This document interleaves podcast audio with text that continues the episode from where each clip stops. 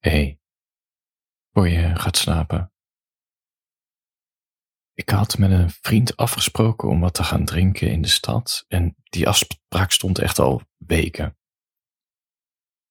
En ik appte hem, nou laat ik het zo zeggen, in de loop van de dag dacht ik, hij zal wel een berichtje sturen. Maar die kwam niet. En toen dacht ik, ja, wat is dit gek dat ik zit te wachten. Ik kan hem zelf natuurlijk ook gewoon een berichtje sturen. Dus ik appte hem van, hey, laat gaan we afspreken. En, en hij reageerde meteen. En zei, oh shit, helemaal vergeten. Ik heb net toegezegd om eh, te gaan werken.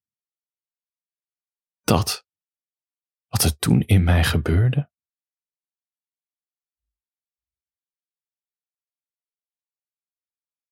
Het vergt echt moeite om hier met een drone boven te hangen. Maar als het je lukt, dan kan je best wel een fascinerende zelfstudie doen. ik moet zeggen, ik ben er niet heel goed in, maar dat wat je voelt namelijk. Nou ja, ik ga er zo verder op in wat ik voelde. Jill stuurde me een berichtje over haar worsteling. Ze schreef naar mij: Ik worstel met trauma's uit het verleden, waardoor ik me na elke fout, elke keer dat ik faal of elke mislukte relatie voel alsof ik nooit goed genoeg zal zijn. Ook al gaan er ook heel veel dingen wel goed in mijn leven. Het is een combinatie van bindingsangst, verlatingsangst, faalangst en de druk om leuk te zijn en te presteren.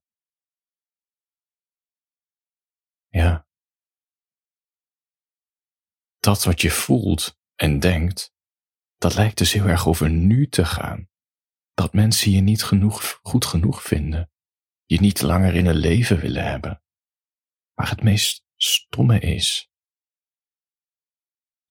dat dat gevoel helemaal niet over nu gaat. Integendeel. Het gaat over vroeger. Je verleden praat met je via je gevoelens. En op de een of andere manier heeft het een negatief beeld van jezelf opgeslagen, waarin je je klein, ongezien en kwetsbaar voelt. En het stomme is dat elke tegenslag, groot of klein, die, die je nu op dit moment in je leven meemaakt, raakt je recht in het hart en haalt dat stomme zelfbeeld naar boven dat zegt, zie je wel? Maar ja, dat hoofd van ons. Want ik had het dus ook bij zoiets kleins als een afzegging, maar een afzegging is bij mij iets heel groots. Meteen de eerste primaire gedachtes. Zie je wel. Ik ben een persoon waar je altijd makkelijk bij afzegt. Die je over het hoofd ziet. Die te zwaar op de hand is. Het is op zich wel leuk om mee af te spreken, zo'n Thompson. Maar ja, als het niet doorgaat, is dat eigenlijk ook wel prima. En dat gaat diep, dit gevoel, want deze gedachten komen elke keer in me op dat niemand echt moeite doet voor me. En wat ik je nu ga vertellen klinkt misschien gek. Bevestig jezelf in die duisternis. Oké, ik ben de moeite niet waard. En nu? Wat wil je eraan gaan doen dan, Thompson? Ga je bij de pakken neerzitten? Ik denk namelijk niet dat dit zelfbeeld dat blijkbaar toch in mijn hoofd zit. En um, bij jou, Jill, zit dat, zit die, dat personage van ik ben niet goed genoeg. Het zal nooit vertrekken.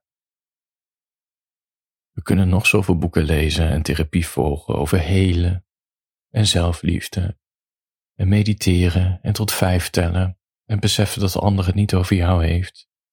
Maar op de momenten dat we ons het zwakst voelen en we het hardst geraakt worden, zelfs door dingen die er helemaal niet toe doen, komt dat, komt dat personage, die, die persoon weer tevoorschijn in ons hoofd om te fluisteren.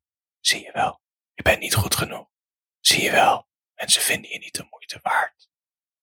Maar ja, Wat moet je ermee?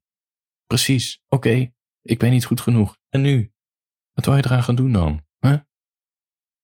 Ik ga toch niet de hele avond hier nu zitten mokken? En ik moet zeggen, het werkt niet altijd. Maar soms wel. Helemaal bij dit soort dingen als afspraken die niet doorgaan. Ja. Als je geen genoeg kan krijgen van deze in slaapvalberichten trouwens, er wachten nog heel veel verhalen op je. Echt meer dan drie jaar aan berichten. Ga naar petjeaf.com slash Thompson Tarko en abonneer je. Of doe een eenmalige donatie. Handjes boven de tekens. Slaap